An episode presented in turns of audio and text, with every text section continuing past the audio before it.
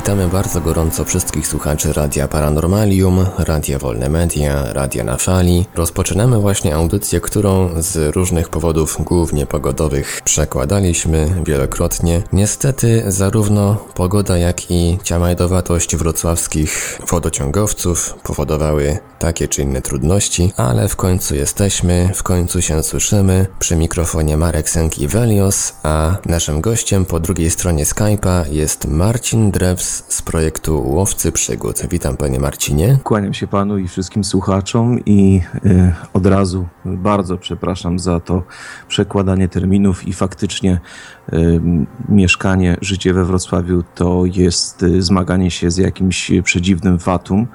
E, ciąg ostatnich e, e, burz i różnych zmian pogodowych powodował, że, że prąd stał się gościem w moim domu rzadkim, podobnie jak internet i inne media, bo nawet, nawet wody brakowało, także coś, coś niesamowitego, tak jak mówię, zaczynam powoli wierzyć w fatum, mam nadzieję, że, że będzie to wiara niepotwierdzona. A dzisiaj będziemy dyskutować o Rize i innych różnych pamiątkach, jakie pozostawili po sobie naziści na Dolnym Śląsku. Na początku chciałbym, aby przybliżył nam Pan historię samego projektu Rize. Skąd się wziął pomysł na wybudowanie tego kompleksu? Jaki był jego cel? Tutaj do dziś można tylko spekulować.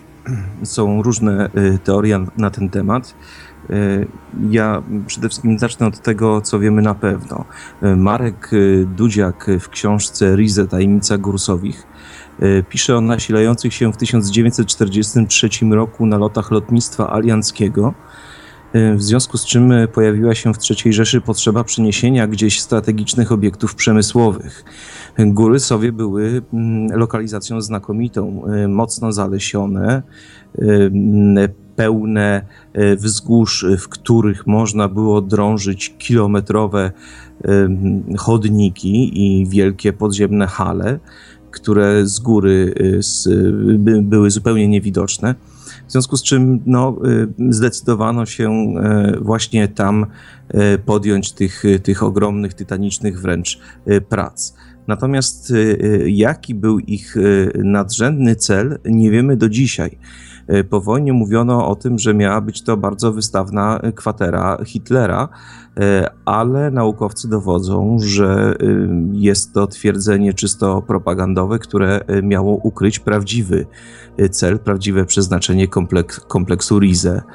Rize, przypomnę, w języku niemieckim oznacza olbrzyma. To, I faktycznie ten kompleks jest, jest olbrzymi. Natomiast mm, mm, istnieje pewna teoria, ku której ja osobiście się skłaniam, mm, bo brzmi ona całkiem sensownie. E, przypomnijmy, że, że e, naziści byli o krok od e, wynalezienia i zastosowania bomby atomowej, i Hitler był wręcz pewien, że przeważy to szale zwycięstwa.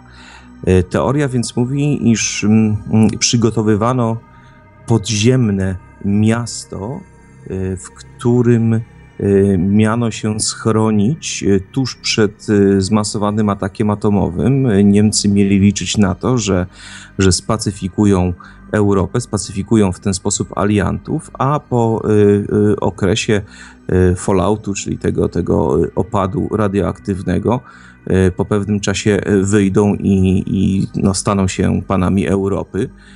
Ja wiem, że brzmi to trochę fantastycznie, ale y, pod kątem logiki jest to, jest to bardzo sensowne i wiele danych zdaje się tę teorię y, potwierdzać. Także podziemne, wielkie miasto dla nazistów, dla, y, dla ważnych osobistości, w tym też dla, dla samego wodza, po to, żeby przetrwać pożogę nuklearną, a potem rządzić światem, a przynajmniej całą Europą. No właśnie, jakie są te poszlaki, bowiem e, mówił Pan przed chwilą o danych potwierdzających to, że miało to być e, chronienie dla Hitlera i jego świty. Jakie są e, poszlaki na to wskazujące? сердца. No właśnie, przede wszystkim tutaj kluczowe słowo padło poszlaki. To są wszystko plotki, to są wszystko y, niepotwierdzone dokumenty, natomiast, y, natomiast wiele y, różnych okruszków, tych, tych oczywiście symbolicznych okruszków chleba prowadzących do celu wskazuje na to, że no faktycznie prowadzono, prowadzono właśnie w tamtych okolicach pracę nad bronią nuklearną. Hitler osobiście zainteresowany był tym, co, co się dzieje w, w Książu i w ogóle w kompleksie Rize. E, I no, szykowano się właśnie do, e, do przeniesienia się tam e, na wypadek no, tej, tej godziny X, że tak to nazwę, czyli tego momentu, kiedy, kiedy odpalone zostaną ładunki nuklearne. A co wiadomo o poszczególnych elementach kompleksu Rize? Obecnie znamy mm, sześć podziemnych kompleksów y, i tak y, z pamięci mm, mam nadzieję, że się nie pomylę, Gontowa, Jugowice, Osówka, Rzeczka, Soboń i Włodarz. O właśnie, to jest, to jest sześć tych podziemnych kompleksów ale mimo odległości zwykło się doliczać jeszcze y, do nich Zamek Książ y, i jego podziemia, czyli w zasadzie możemy mówić tutaj o kompleksie numer 7. Ale y, tych obiektów może być znacznie więcej. Mówi się bowiem także o Wielkiej Sowie, to jest, to jest wzniesienie w Górach Sowich. Mm, podobno tam też były prowadzone prace, lecz nie znaleziono tam do dziś żadnych sztolni. Mówi się też o Mosznej, gdzie, gdzie jest przepiękny pałac. E, tam również nie odnaleziono e, podziemi, ale podobno e, są tam studzienki i kanały wentylacyjne, a położenie miejsca wskazywałoby na wysoce strategiczne znaczenie, dlatego że to mniej więcej byłoby w środku całego kompleksu Rize. Mm, warto też wspomnieć o kopalni Wacław w Ludwikowicach Kłodzkich, mm, i, i późniejszej fabryce dynamitu mm, Nobel, która, która się tam znajdowała. Y, tu oczywiście trwają spory między, między badaczami, pasjonatami Rize. Y, większość badaczy twierdzi, iż kopalnia nie była częścią planu Olbrzyma, jednak mówi się o tym, że w znajdującej się tam górze o nazwie Włodyka mógł się znajdować osobny kompleks sztolni. Z pewnych źródeł wiem, że mm, potwierdził to Różczkarz, no pytanie, na ile pewne były jego badania, e, ale mam też nagranie wideo, gdzie właściciel obiektu Włodarz i jednocześnie właściciel e, muzeum w Ludwikowicach Kłodzkich pokazuje miejsce domniemanej szczolni, która jeszcze nie została odkryta. Czekam na rozwój wypadków, bowiem uzyskanie zgody na badania terenu to rzecz y, bardzo skomplikowana. Tutaj trzeba uzyskać y, mm, odpowiednie dokumenty od nadleśnictwa, od gminy, y, więc no nie jest to takie proste, tym bardziej, że wiązałoby się to z, z częściową degradacją terenów zielonych ale po rozmowie z, z panem Krzysztofem, który jest właścicielem obiektu Włodarz, no powiem szczerze, wierzę w, w w tę teorię i w to, że, że ta sztolnia się tam znajduje, tym bardziej, że mm, mm, przed tym miejscem, gdzie wejście miałoby zostać wysadzone i, i ukryte, znajduje się bardzo szeroka betonowa droga, której przeznaczenie jest niewyjaśnione do dziś. Ona się po prostu urywa w pewnym miejscu i mamy zwalisko skalne, więc można przypuszczać, że faktycznie e, za tym zwaliskiem znajdowało się wejście do kolejnego kompleksu. E, I jeśli uda się to e, wkrótce odkryć, bo takie są plany, no to będziemy musieli zrewidować wszystko, co wiemy o kompleksie Rize i przyznać, że, e, że Ludwikowice Kłodzkie są częścią, częścią projektu. Mm, co jeszcze?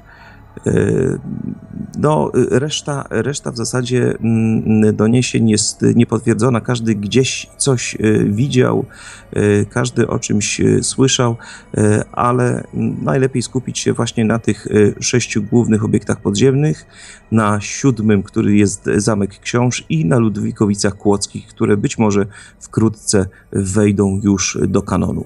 Zahaczyliśmy przed chwilą o magiczne słowo klucz spędzające sen z powiek wielu badaczom, nie tylko w Rize. Zezwolenia. Jeszcze kilka lat temu władze Polski konsekwentnie odmawiały udzielenia zgody na przeprowadzenie dalszych badań tych podziemi. Czy coś się zmieniło w tym temacie?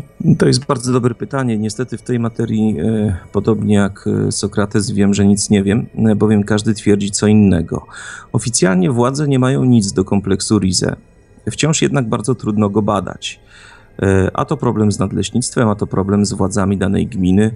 Mm, coś jest więc na rzeczy. Jeśli mimo tylu niewyjaśnionych kwestii władze wykazują niezwykłą wręcz obojętność, taką powiedziałbym sztuczną obojętność, to jest to dla mnie dowód na to, że ktoś na górze wie coś, czego nie wiemy my. I bardzo nie chcę, by wyszło to na jaw. E, to mnie bardzo dziwi, szczególnie, że mm, bardzo wiele mówi się o ym, polskich odkryciach w Egipcie. Mamy wspaniałych egiptologów, y, którzy przekopują się przez tony piasku, odnajdując y, kolejne fragmenty starożytnej y, historii tamtych terenów. Natomiast no, w Polsce mamy co prawda już historię w zasadzie najnowszą, bo dotyczącą XX wieku, ale równie ciekawą i no chyba bogatszą w tajemnicę, y, a jednak y, kompleks wciąż nie jest badany przez fachowców, a przynajmniej nieoficjalnie.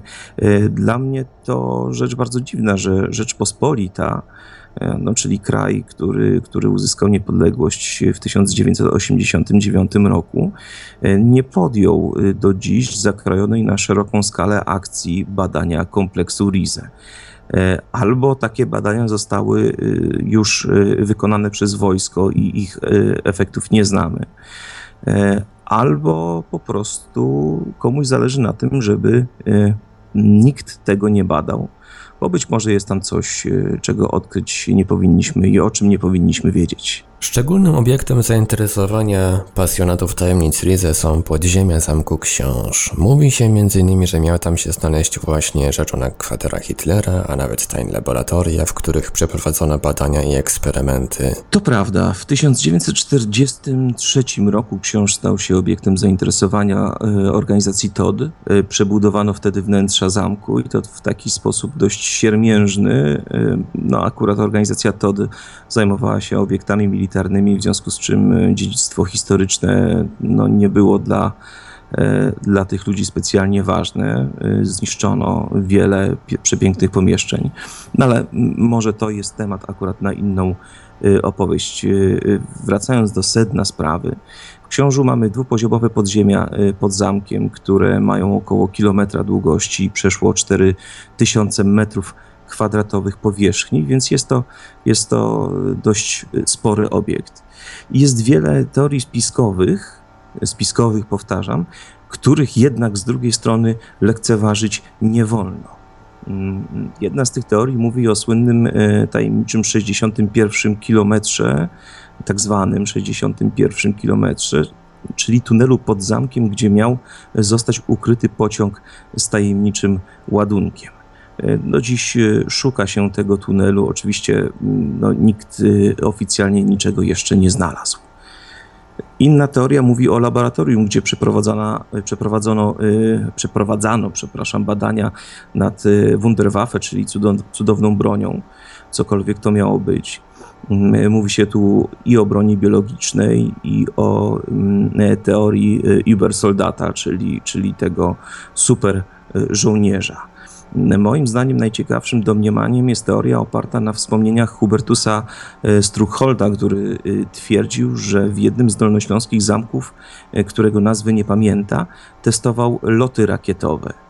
Dzisiaj wiem, że człowiek ten, choć w imię nauki mordował więźniów w strasznych warunkach, został zrehabilitowany przez władze USA, gdyż został w Stanach Zjednoczonych jednym z ojców amerykańskiego programu badań kosmicznych.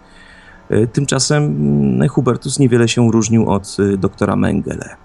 Natomiast to, co, co pisał, to co mówił, a wspominał właśnie Dolny Śląsk, wskazuje na to, że prawdopodobnie właśnie w podziemiach Zamku Książ przeprowadzał niezwykłe badania dotyczące wysokich ciśnień, dotyczące odporności ludzkiej na e, e, loty rakietowe, także to jest, to jest niezwykle e, ciekawa historia.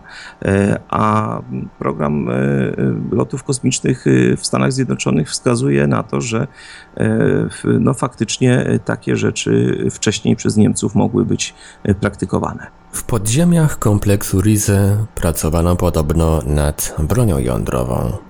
Według mojej skromnej wiedzy trop wskazuje na e, przede wszystkim na podziemia książa e, i być może samego Wałbrzycha, który kryje pod sobą do dziś wiele niezbananych korytarzy. E, szkoda, że tak mało się o tym mówi, bo Rize jest po prostu niezwykłą atrakcją turystyczną, jest niezwykle ciekawym kompleksem i bardzo często zapomina się o tym, że, że Wałbrzych i jego y, dzielnica Szczawno, Zdrój y, to są miejsca, w których jest y, wiele niesamowitych i niezbadanych do końca podziemi, o których wspominały dokumenty związane z, z projektem e, RIZE. Ja może posłużę się cytatem z Jerzego Rostkowskiego, bo akurat mam pod ręką książkę, przygotowałem sobie na dzisiejszą rozmowę. To jest książka Podziemia III Rzeszy i pochwalę się, dostałem w prezencie od, od teściowej, notabene mieszkanki Wałbrzycha. Już, już sięgam po ten fragment. Cytuję. W Waldenburgu czyli, czyli Wałbrzychu, Florow dokonał bardzo ważnych ustaleń. E, przekazał je do centrali w Moskwie. Szczegółów nie znamy. Wiele wskazuje na to, że w samym Wałbrzychu lub bardzo blisko tego miasta znajdują się do dziś niewykryte pomieszczenia pod ziemią i urządzenia, dzięki którym prowadzono pracę nad pozyskaniem atomu w formie przydatnej do stworzenia broni niekonwencjonalnej. Głupota i paraliż naszych powojennych władz uniemożliwiły do dziś odnalezienie tych pomieszczeń. Florow zgodnie z prawdą mówił o podziemnym laboratorium atomowym. Sądzę, że y, Rostkowski pisze, sądzę, że Amerykanie już od e, e, bardzo wielu lat wiedzą sporo na ten temat, lecz z przyczyn nam nieznanych nie ujawniają swojej wiedzy. E, I tyle, jeśli chodzi o, o, o tę książkę. Ja zresztą polecam e, przepiękne wydanie, twarda oprawa, Jerzy Rostkowski, Podziemia III Rzeszy, Tajemnice Książa Wałbrzycha i Szczaw na Zdroju. E, to książka nietypowa, dlatego że ona niewiele mówi o samym Rizie, natomiast właśnie skupia się na Wałbrzychu, na książu, więc, więc to jest, jest ten, ten dodatkowy, często pomijany wątek. E, także faktycznie e, jest, e, jest bardzo dużo mm, różnych doniesień, w tym, w tym udokumentowana rozmowa z radzieckim fizykiem atomowym, który zaraz po wojnie badał podziemia Wałbrzycha i który był w kompleksie Rize i który jest przekonany, że, że właśnie tam pracowano nad, nad ładunkami nuklearnymi. A co z domniemanymi eksperymentami genetycznymi? Współcześnie niektóre osoby podające się za przewodników twierdzą, że po okolicznych lasach miało grasować pokłosie tych eksperymentów w postaci różnej maści wilkołaków i innych dziwnych stworzeń. Ile w tym jest prawdy, a ile mitu? To jest y, kolejna teoria, której oczywiście nigdy e, nie dowiedziono, e, a wszystkie te historie o wilkołakach, e, gnomach, koboldach i innych stworzeniach raczej bym między bajki włożył. To są takie historyjki, które raczej mają wymiar turystyczno-marketingowy. Mm, ale z drugiej strony dobrze jednak wiemy, że Hitler był człowiekiem obsesyjnym, a nauka w służbie nazizmu stała na bardzo wysokim poziomie. E, zapożyczona z filozofii niczego teoria e, Übermenscha, e, czyli nadczłowieka, faktycznie mogła się przerodzić w pracę nad stworzeniem z kolei Übersoldata, czyli, czyli tego, tego super żołnierza. Dobrze wiemy, chociaż no, nikt tego nie udowodni, że takie prace nieoficjalnie prowadzą do dziś i Amerykanie, i Rosjanie, więc dlaczego Niemcy, pionierzy techniki, nie mieliby robić tak, tego samego w czasie II wojny światowej? Wiemy, że Hitler mm, chwytał się każdej brzytwy, E, żeby e, przechylić e, szale wojny na, na swoją stronę. A że był też człowiekiem ogarnięty różnej maści obsesjami, w tym okultystycznymi, więc, więc wierzył w, w połączenie nauki i, i magii i okultyzmu. Zresztą, no przecież cała ta e, e, teoria nazizmu w pewnym e, aspekcie opierała się na, na pogańskich, germańskich mitach. Więc całkiem możliwe, że, że prowadzono eksperymenty Y, genetyczne, biologiczne, testowano y, różne i maści, bronie chemiczne y, i całkiem możliwe, że, że były ofiary tych eksperymentów, które przeżyły i które być może potem ukrywały się w lasach w obawie przed, przed atakiem ciemnego tłumu, bo tak trzeba to powiedzieć. Każdy odmieniec zawsze w Polsce miał trudną sytuację. Mm, mm, wiemy, że i w naszym kraju palono czarownice. Mm, więc e, jeśli ktoś był ofiarą eksperymentów nazistowskich, e, no to na pewno nie wracał potem do rodzinnego domu. Co jeszcze mogę powiedzieć w tej materii? W zasadzie niewiele, no powiem tylko tyle, że Lasy Górsowich i, i okolice to najbardziej tajemnicze miejsca w Polsce. E, włożono też masę pracy, wiele pieniędzy i poświęcono wiele istnień ludzkich, by, by zachować tajemnicę kompleksu Rize, e, więc e, na pewno coś jest na rzecz. W książce pod tytułem Tajemnica Rize na tropach największej kwatery Hitlera autorstwa Jacka Kowalskiego, Roberta Kudelskiego i Zbigniewa Rekucia znajduje się następująca wzmianka. W 1942 roku Gauleiter Koch popadł w ostry konflikt z Alfredem Rosenbergiem. Hitler zarządził wówczas odprawę przywódców NSDAP. Podczas przerwy w obradach Hitler chwalił się Kochowi i Geringowi, że prowadzi doświadczenie nad bronią bakteriologiczną, i wkrótce wyhoduje Niemca odpornego na zabójcze bakterie i zawsze zdrowego nadczłowieka. Rozmowa trwała chwilę, gdyż Himmler zabrał na bok Goebbelsa, który wyraził swoje zainteresowanie tymi doświadczeniami. Koch i Goebbels słyszeli wówczas, jak padło określenie Führerstein. Co wiadomo na temat tych doświadczeń? Czy zachowały się jakieś ślady po nich lub dokumenty świadczące o ich prowadzeniu? Nie, o dokumentach e, nic mi nie wiadomo. Zresztą w ogóle e, dokumentów dotyczących dotyczących Rize jest jak na lekarstwo, dokumentów pochodzących z tamtych czasów. Ktoś bardzo dokładnie posprzątał e, po sprawie, więc, e, więc pozostają nam tylko domniemania i, e, i bardzo mocno okrojono, okrojone półamatorskie badania powojenne, ale faktycznie, faktycznie jeśli ta rozmowa Himmlera z Kochem mm, i Geringiem miała miejsce, no to zgadzałoby się to z, z, teorią mówiącą, że w podziemiach e, e, zamku książ faktycznie e, prowadzono badania nad, no, nad biologią i chemią, mówiąc w dużym, w dużym skrócie. A mm, doświadczenia Hubertusa, które co prawda miały trochę inny, e, inny wymiar, e, no też jednak e, pasowałyby do tej, do tej teorii. Prawdopodobnie faktycznie w Zamku Książ, w podziemiach Zamku Książ przeprowadzano eksperymenty e, na ludziach i być może faktycznie tam e, pracowano nad, e, nad tym Ubersoldatem, czyli nad tym, nad tym super żołnierzem, który, który miałby podbić całą Europę. Ja wiem, że to teoria fantastyczna, którą przede wszystkim znamy z gier komputerowych, takich jak, jak Uber Soldier czy, czy Return to Castle Wolfenstein, ale pamiętajmy, że, że te mm, popkulturowe dzieła powstały właśnie na bazie tych wszystkich doniesień związanych z działalnością, z domniemaną działalnością nazistów w kompleksie Rize i przede wszystkim w podziemiach Zamku Książ. Wiemy, że w takim ZSRR prowadzono pewne eksperymenty w kierunku ożywienia zmarłych i wykorzystania ich w walce, więc who knows. A teraz wątek żywcem wzięty z jednej z naszych debat ufologicznych online. Nazistowskie UFO. Podobno w Ludwikowicach testowano niemieckie ubękante flugobiekty. Co wiadomo na ten temat? Cóż, niewątpliwie to najbardziej ryzykowna teoria, ale no właśnie, no właśnie, zawsze jest to ale.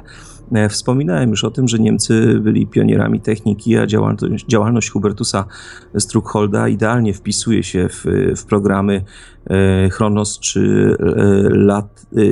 Przepraszam, bo zawsze mam problemy z przy, przypomnieniem sobie niemieckiej nazwy, bo język jest mi obcy. Laternenträger, z tego co pamiętam.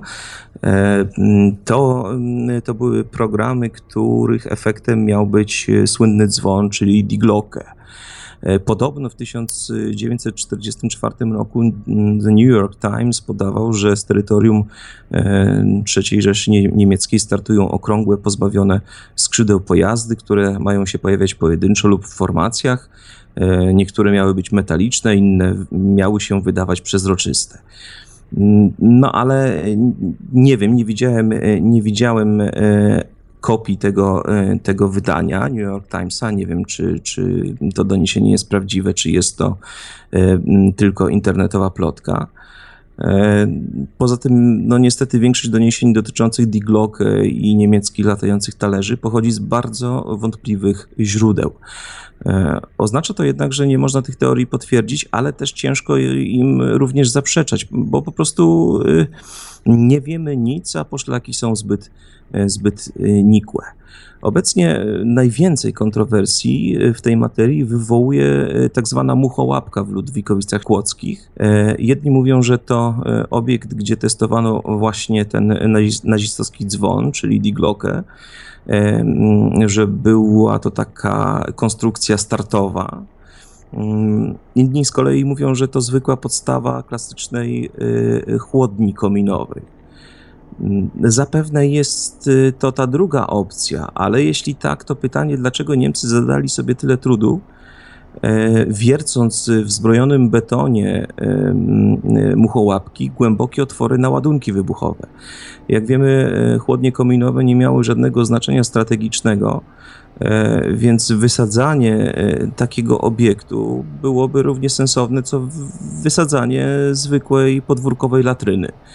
E, w związku z czym, no właśnie pytanie, dlaczego, dlaczego i skąd te, te otwory na ładunki wybuchowe, dlaczego tak bardzo zależało Niemcom na tym, żeby, żeby muchołapkę wysadzić, co zresztą im się nie udało.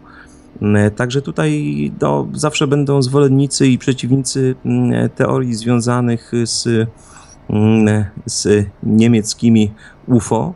E, no ale możemy jedno sobie powiedzieć na pewno. E, niezależnie od tego, czy, czy naziści pozyskali technologie pozaziemskie, czy też sami byli autorami, e, wynalazcami napędów niekonwencjonalnych, no to te eksperymenty albo no, nie dały zadowalającego efektu, albo w ogóle nie wyszły poza fazę deski kreślarskiej, dlatego że no cóż, Struckhold w Stanach Zjednoczonych wiele wniósł do programu lotów kosmicznych, a jednak wciąż amerykańskie rakiety no, mają silniki E, konwencjonalne, bardzo, bardzo mało wydajne. E, wciąż e, nie trafiliśmy na żaden ślad napędów antygrawitacyjnych.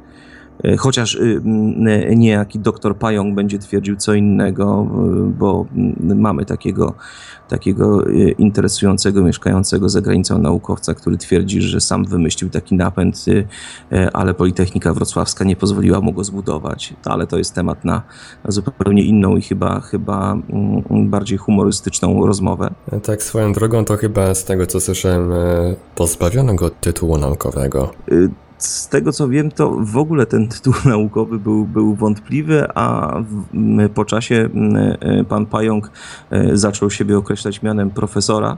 A przypomnijmy, że profesor to, to tytuł, który, który może, może nosić tylko i wyłącznie doktor habilitowany. I, I, mamy tutaj jakby dwa tytuły, profesora zwyczajnego i profesora nadzwyczajnego. No, jeden, jeden nadaje uczelnia, drugi, drugi nadaje prezydent kraju. E, także no, pan, pan Pająk na pewno nie jest profesorem i prawdopodobnie nie jest też doktorem, e, a wszystkie jego teorie e, no, są powiedzmy o kant stołu e, rozbić, dlatego że on się już kompletnie e, pogubił. Najpierw był zwolennikiem e, teorii mówiących o obcych, potem stwierdził, że istnieje Bóg, który tych obcych wymyślił i tak naprawdę ci obcy nie istnieją, tylko są to jakieś, jakieś sztuczne, nieświadome byty. I długo by się tutaj zagłębiać w, w to wszystko.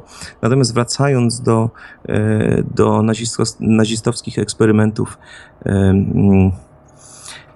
w latach 60. Y, w Stanach Zjednoczonych y, y, miały miejsce bliskie spotkania trzeciego stopnia, oczywiście domniemane bliskie spotkania trzeciego stopnia i mm, e, świadkowie twierdzili, że z latającego talerza wyszli, e, e, wyszły dwie albo trzy postacie, które rozmawiały między sobą płynnym językiem niemieckim. To jest taka ciekawostka, która przez niektórych badaczy badaczy jest właśnie e, e, wiązana z, z całą teorią Diglocke i projektu Chronos. E, no ale, ale ja raczej w to wątpię, bo, bo gdyby doszło do realizacji tego projektu, to, to po pierwsze być może wszyscy dzisiaj mówilibyśmy po niemiecku, bo z taką technologią Niemcy mogłyby wygrać II wojnę światową. No a po drugie, no gdzieś ślady tych technologii by istniały. No chyba, że, że faktycznie uznamy zgodnie z, z jedną z, z, szalenie fantastycznych teorii, że naziści wyprowadzili się nie do Argentyny, tylko na Księżyc i, i tam sobie latają po drugiej ciemnej stronie Księżyca. No, ogląda, oglądaliśmy film mm, fantastyczny, który, który, który pokazuje to w dość humorystyczny sposób. Jest to oparte na jednej z teorii spiskowych. Natomiast no, nie zmienia to faktu, że mm, że Diglock wywołuje wiele kontrowersji, że mm, podobno istnieją plany, to znaczy podobno, plany, y, plany tych obiektów istnieją, rysunki y, koncepcyjne istnieją, tylko nie możemy potwierdzić ich autentycz, autentyczności. Także y, no, kłótnie będą trwały do końca świata, chyba że znajdziemy działający, działający obiekt, wtedy, wtedy będziemy musieli przyznać rację. W Rize miała się też podobno znajdować fabryka rakiet, również międzykontynentalnych. Podobno tak, y, natomiast nie udało mi się dokopać do żadnych y, interesujących informacji na ten temat. Y, wszystko to są plotki. Wszędzie po wojnie widzieliśmy tutaj oczywiście w cudzysłowie fabryki rakiet. Przez pewien czas mówiono o tym, że, że i w, w klasztorze w Lubiążu były podziemia, gdzie, gdzie budowano takie rakiety. Natomiast no, nie zmienia to faktu, że faktycznie było to całkiem możliwe. Ostatnio czytałem opracowanie, które mówiło, jak wiele głowic nuklearnych gotowych do wystrzelenia y, po wojnie y, osadzili w Polsce Rosjanie. Więc no, biorąc pod uwagę zaawansowane technologie niemieckie i, i działalność nad usprawnieniem rakiet V1 i V2, całkiem możliwe, że, że w Rize właśnie nad tym pracowano. Natomiast nie udało się niczego znaleźć. Pamiętajmy o tym, że, że Niemcy bardzo dokładnie po sobie sprzątali, choć w pośpiechu, to jest jedna rzecz. Po drugie, y, do Rize po wojnie weszli Rosjanie i w ogóle alianci. No a po trzecie, no, Polacy są jedynym narodem, który, który no, tych podziemi i, i całego kompleksu nie spenetrował w sposób właściwy. Jak już wspominałem, władze naszego kraju no, po 1989 roku wykazują przedziwny brak zainteresowania tym obiektem. Bardzo dziwny moim zdaniem. Z relacji dostępnych w internecie dowiadujemy się m.in., że w jednym z korytarzy w osówce ze ścian miała wyciekać jakaś niezidentyfikowana czarna substancja. Tak przynajmniej twierdzą przewodnicy. Co to mogło być, panie Marcinie? Faktycznie o czarnej substancji słyszałem, czy raczej czytałem, ale brak tutaj jakichkolwiek danych. To mogła być tak naprawdę zwykła sadza y, zmieszana z, z wodą.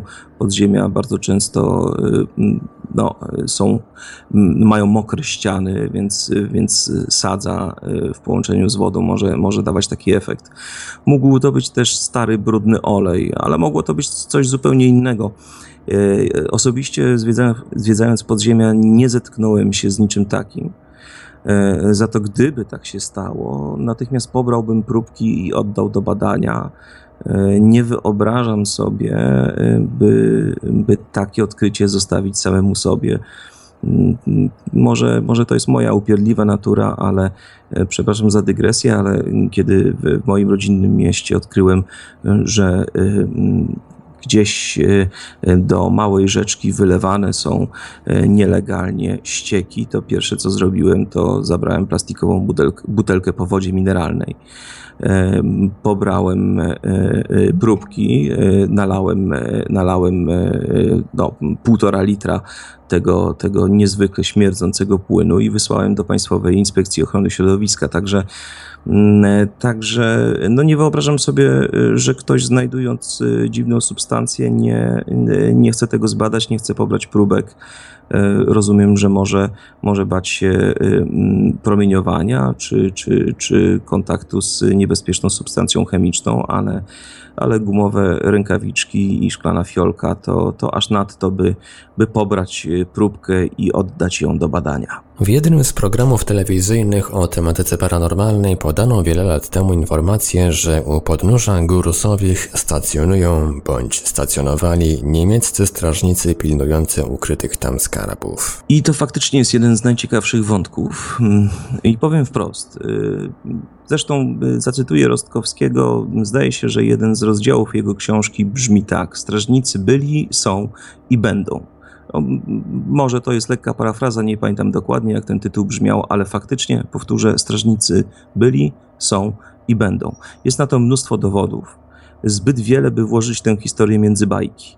Jednym ze strażników bez wątpienia był y, Anton Dolmus, czy też Dalmus, bo, bo to nazwisko występuje w dwóch formach.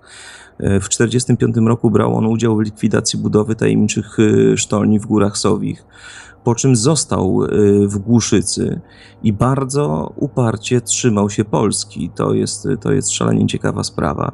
On zresztą potem y, otrzymał jakieś y, stanowisko w, w jednym z ministerstw. To ciekawe, mógł, mógł spokojnie wyjechać i żyć w Niemczech Zachodnich, natomiast, natomiast wybrał komunistyczną Polskę. No na pewno nie, nie, nie ze względu na, na gust, ani nie na zaopatrzenie sklepowe. E, mm, coś go tam e, w tych górach sowich e, trzymało. Poza tym jest też coś takiego jak kwestia obecnych przelewów z niemieckich banków. Otóż do dziś przychodzą regularne wpłaty na konta agencji ochroniarskich i są to najczęściej agencje ochroniarskie, w których udziałowcami są niemieckie firmy.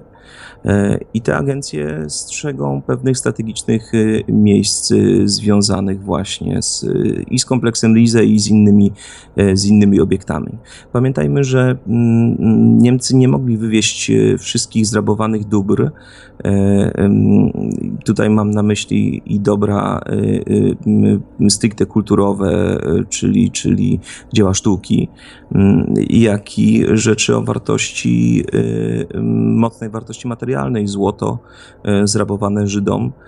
E, także wiele, wiele tego typu E, rzeczy po prostu ukrywano, skrzętnie ukrywano, licząc na to, że kiedyś, e, kiedyś będzie można po, po te dobra powrócić. E, więc no, z, pewnością, z pewnością ci strażnicy tego typu rzeczy pilnują.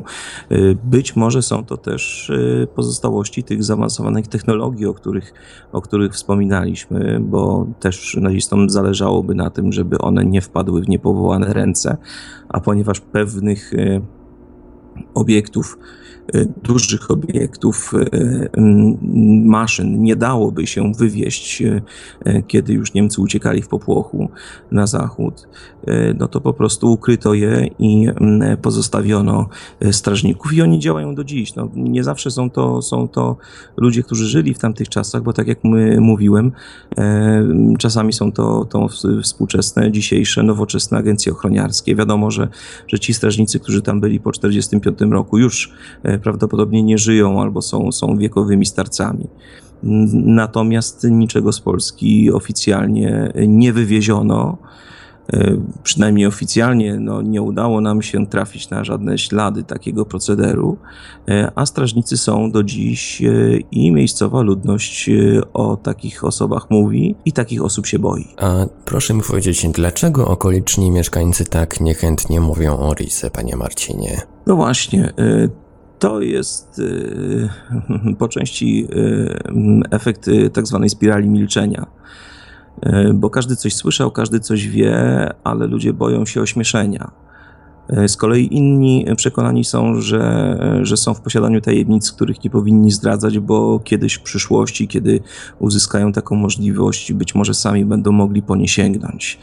Mm, na przykład rozmawiałem z osobą, e, tutaj no, obiecałem anonimowość, więc nie zdradzę personaliów, nie zdradzę miejsca ale rozmawiałem z osobą, która, która jest w posiadaniu y, pewnych dowodów y, na to, że pod ziemią jest nietknięta od czasów wojny sala ze złotymi precjozami. I była to sala, w której odprawiano rytuały okultystyczne to jest y, y, takie doniesienie, y, które ma dwa źródła. Jednym jest zeznanie świadka, drugim jest jest niezależne badanie przeprowadzone przez, przez kogoś w rodzaju bioenergoterapeuty, czy, czy, czy, czy, czy kogoś no, no związanego powiedzmy z, z e, alternatywnymi e, metodami wyszukiwania różnych obiektów podziemnych. E, I ten człowiek, nie wiedząc, e, czego szuka, e, potwierdził to, że, że pod ziemią znajduje się sala i że jest w niej złoto. E, natomiast no, jest, jest, jest to gdzieś głęboko ukryte, nie wiadomo gdzie jest wejście. E, całość jest pokryta z wierzchu lasem, gdzie wycięcie jednego, jednego drzewa to jest y, natychmiastowa reakcja y, ze strony nadleśnictwa. W związku z czym no, dokopanie się do takiej sali wcale nie jest rzeczą prostą. I ta osoba zapewne czeka na, na sprzyjający moment, kiedy będzie mogła e, sięgnąć po, e, po te skarby. Także, także stąd, stąd wynika fakt, że ludzie niechętnie mówią o tym. No, tak, jak, tak jak wspomniałem, coś wiedzą e, i mają nadzieję, że sami będą mogli po to sięgnąć. Nie zdradza się u, miejsc ukrycia skarbów, bo przecież ktoś inny może, może je zabrać. No, niewątpliwie jednym z czynników tego milczenia i tego, że niechętnie mieszkańcy mówią o Rize, jest też strach. I to strach e, właśnie przed strażnikami, którzy podobno wciąż mają dość długie i spore macki. Możemy tutaj mówić wręcz o, o siatce strażników. A jeśli włączymy w to agencje ochroniarskie, czyli, czyli przeszkolonych ludzi z bronią w ręku, no to nic dziwnego, że, że mieszkańcy wolą milczeć. A czy oprócz Rizy na terenie Dolnego Śląska znajdują się jeszcze jakieś inne warte zobaczenia pamiątki po nazistach? Masa. Dosłownie masa i tutaj y, ciężko mi w tej chwili wymieniać. Y, może naciągnę Pana na kolejną rozmowę, y, bo myślę, że to jest temat na, na osobny wywiad, na Mm, na osobny wieczór przy, przy mikrofonie, czy też podwieczorek przy mikrofonie, że, że, że sięgnę po, po klasykę. Mm, pamiętajmy, że cały Dolny Śląsk był niemiecki i, i to jest wręcz kopalnia tematów, kopalnia historii, nieprzebrana kopalnia, więc naprawdę można się puławić w tych tematach, w niesamowitych wręcz historiach. My swego czasu rozmawialiśmy o Jędrzychowie, moja, moja dość, dość mocna interwencja zaowocowała tym, że w końcu obiekt został zabezpieczony, to raz. Dwa, będzie, będzie remontowany, a trzy, oficjalnie y, po raz pierwszy od czasów II wojny światowej E, mm, konserwator zabytków będzie próbował sięgnąć do ukrytych podziemi, które się tam znajdują i e, na co są, na co są dowody. A przypomnę, że w jednym z, z lochów, w jednej z piwnic e, Jędrzychowa, czyli, czyli kościoła ewangelickiego, który kiedyś był piastowskim zamkiem, znaleziono swego czasu, i to już gruby czas po wojnie, zmumifikowane ciało, wyschnięte ciało żołnierza Wehrmachtu, które potem zniknęło w tajemniczych okolicznościach. Od 1945 roku przeleżało do lat 70., to coś niesamowitego. Także jest mnóstwo tych tajemnic, mnóstwo ciekawych historii. Ja ostatnio byłem w, w pałacu Mm, przepięknym, choć zrujnowanym pałacu w Bełczu Wielkim. Tam się do lat 90. Y, znajdowała jeszcze szkoła. E, I o tym pałacu mówi się wiele, publikuje się wiele zdjęć, dlatego że jest to obiekt niezwykłej urody. Natomiast y, mało kto wie, że jego właścicielem był e, główny inżynier e, firmy Cepelin, który, który potem został e, dyrektorem tej firmy. Mówimy o firmie, która, która wyprodukowała e, słynnego, słynny sterowiec Hindenburg. E, I potem ten pałac został przez trzecią Rzeszę niemiecką odebrany temu właścicielowi i też związane są z tym różne historie. Także tego jest nieprzebrana masa. Ja postaram się specjalnie dla E, e, dla słuchaczy, którzy, którzy w tej chwili tutaj przysłuchują się naszej rozmowie, zebrać najciekawsze te historie w taką, w taką mam nadzieję, atrakcyjną pigułkę, którą następnym razem e, z przyjemnością przedstawię. Tak więc ja będę przygotowywał pytania do tych kolejnych audycji, a w międzyczasie e, porozmawiajmy może jeszcze o aspekcie turystyczno-krajoznawczym Rize. Na podstawie publikacji oraz materiałów dostępnych w internecie można wysnuć wniosek, że tamtejsze korytarze ciągną się na setki metrów i że mamy tam do czynienia z wielością ciekawych miejsc do zwiedzenia i zbadania. Czy rzeczywiście tak jest? Jak najbardziej.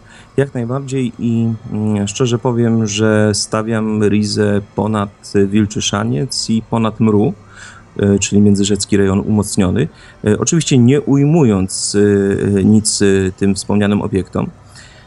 Jednak mm, w tamtych, w tamtych obiektach nie ma tej tych, nie ma tego smaczku, nie ma tej tajemnicy, nie ma, nie ma tego mroku.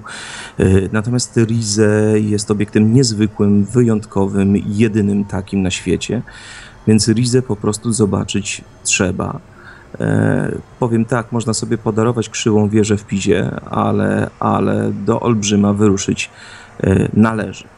Polecam wszystkie kompleksy, a zwłaszcza włodarza, którego obecny właściciel, pan Krzysztof, mm, jest y, kopalnią wiedzy i wspaniałym, otwartym człowiekiem, którego, którego po prostu trzeba poznać. A spotkać go można nie tylko we Włodarzu, ale także w Ludwikowicach Kłodzkich, y, do których y, w jego i swoim imieniu serdecznie zapraszam, bo naprawdę warto. To jest prawdziwa przygoda, to jest niezwykły czas, kiedy kiedy można eksplorować te podziemia, słuchać tych niesamowitych historii e, i cieszyć się e, krajobrazami, dlatego że to nie tylko mrok e, i nie tylko mm, potworne czasami historie dotyczące, dotyczące najmroczniejszych aspektów działalności nazistów, ale też przepiękne, wspaniałe krajobrazy, słynna Y, kolejowa linia 285, y, która, y, która wiedzie wokół tajemniczego zamku Grodno, w którym też działali naziści. To też jest temat na osobną opowieść. To jest linia kolejowa, która, która zahacza też o kompleksy, kompleksy podziemi wchodzące w skład Rize. Dziś nie, nie, już ta linia kolejowa nie działa, natomiast pozostała masa niesamowitych wiaduktów, przepięknych małych stacyjek.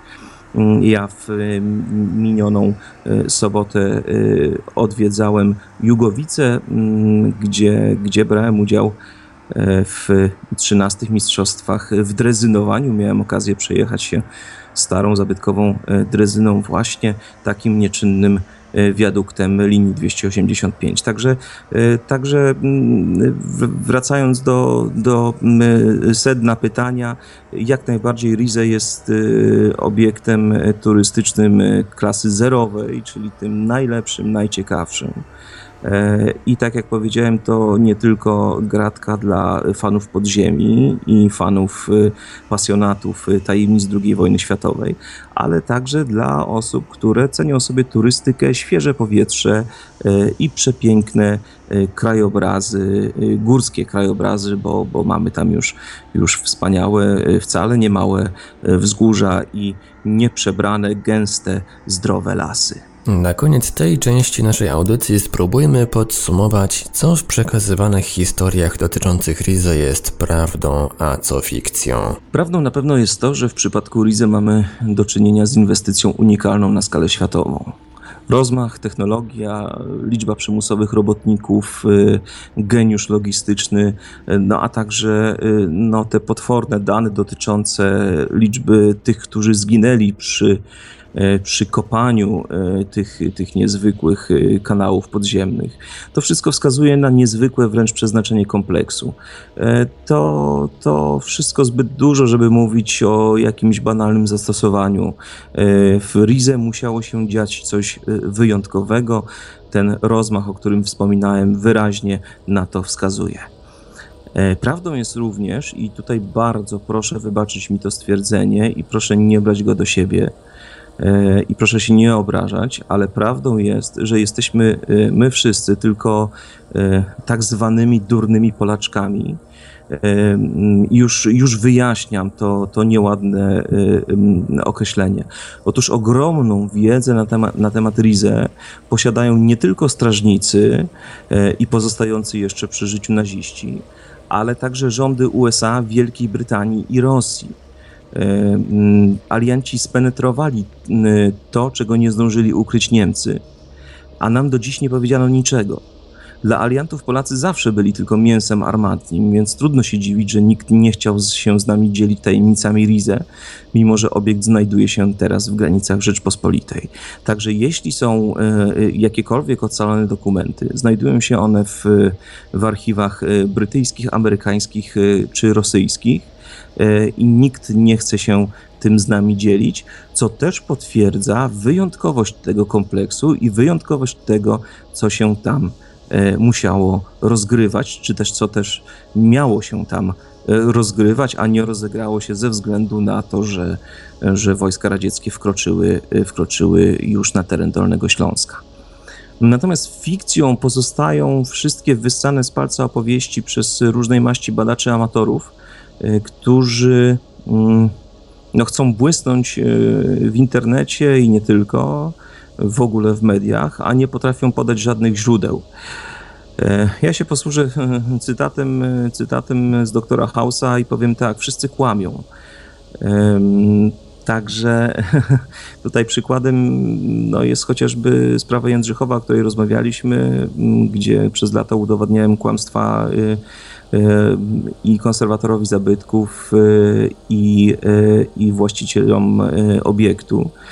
I udowadniałem też, że, że są podziemia, które należałoby zbadać, i dziś, dziś ta prawda wychodzi na jaw.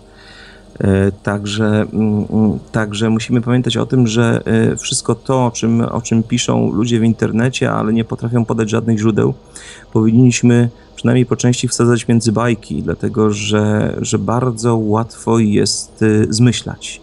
Szczególnie jeśli chce się zabłysnąć. I są takie postacie, nie będę ich wymieniał z nazwiska, stare, mm, starożytne przysłowie mówi nomina sunt odiosa, czyli nazwiska to przekleństwo.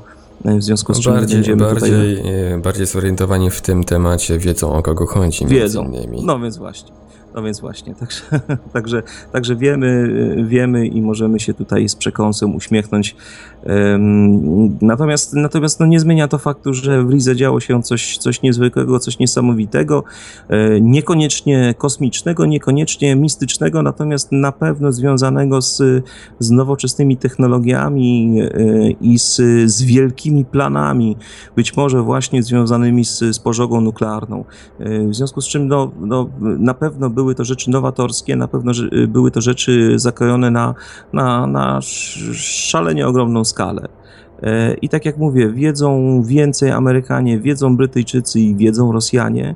My, Polacy, pozostajemy bez tej wiedzy, a rząd Rzeczpospolitej Polskiej e, wykazuje e, przedziwną bierność, być może na bazie jakiejś umowy z, podpisanej z, z ówczesnymi aliantami. No ale do tego, do tego nie dojdziemy. E, ja pokładam nadzieję w, w takich ludziach jak wspomniany pan Krzysztof, który, e, który chce badać to wszystko, który e, robi to nie dla pieniędzy, ale z pasji i który chyba przeczytał wszystkie możliwe dokumenty i stara się odkrywać to, co, co no, jest w tych legendach, czy, czy, czy w tych, tych y, powiedzmy półoficjalnych y, doniesieniach obecne, to właśnie, to właśnie on będzie starał się potwierdzić obecność y, sztolni w Ludwikowicach Kłodzkich. Jeśli, jeśli to mu się uda, jeśli odkryje tę sztolnię, to jak już wspomniałem, będziemy musieli zrewidować wszystko, co do tej pory wiedzieliśmy o Rize. Ja trzymam za to kciuki i mam tutaj taką obietnicę, pochwalę się, że w momencie, kiedy, kiedy będą wszystkie możliwe zgody, e, to zostanę zaproszony na e, ten moment, kiedy, kiedy ta sztolnia będzie odkrywana. Także mam nadzieję, że stanie się to już wkrótce. Również mamy takie nadzieje. A na koniec dzisiejszej audycji jeszcze jedno pytanie. E, taki mały przeskok tematyczny. Jakie są plany odnośnie łowców przygód? Planów jest dużo i mm, mm, to znaczy, planów jest zawsze dużo i każdy zawsze ma wiele planów, natomiast y, plan a jego realizacja to są dwie różne rzeczy. My mamy to szczęście, że i uzyskaliśmy wsparcie poprzez akcję crowdfundingową, bo zebraliśmy 11 tysięcy. To nie jest dużo, z drugiej strony nie jest też mało, ponieważ y, dzięki temu zakupimy trochę y, fajnego sprzętu, lepsze mikrofony, kupiliśmy już lepsze obiektywy, dosprzętawiamy się tak, żeby, y, żeby jakość naszych odcinków była coraz lepsza, ale też staramy się, żeby częstotliwość publikacji była, no, była tutaj o wiele większa. Mm, I już w tej chwili prawie udaje nam się publikować e, nowy odcinek co tydzień.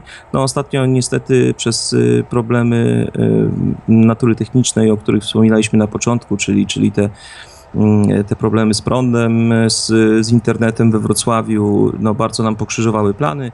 E, w tej chwili e, mamy też jakieś skromne plany urlopowe, więc na dwa tygodnie zawieszamy e, działa, no, na tydzień, na tydzień, przepraszam, bo, bo zaplanowaliśmy już odcinek na, na przyszły tydzień, mimo że nas nie będzie. E, więc będzie tylko tydzień, e, tydzień przerwy i generalnie staramy się co tydzień publikować e, coś ciekawego.